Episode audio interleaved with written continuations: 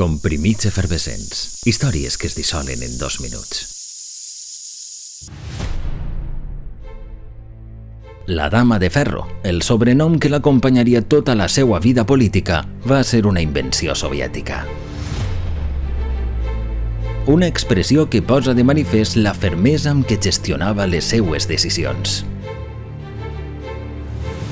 Sens dubte, una de les figures polítiques més rellevants i influents del segle XX. Un 4 de maig, Margaret Thatcher es convertia en la primera dona en ocupar el número 10 de Downing Street.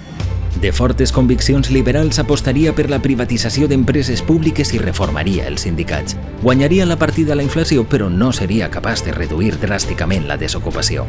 En política internacional trobà sintonia amb el president nord-americà Ronald Reagan, amb qui compartia la mateixa al·lèrgia pel comunisme.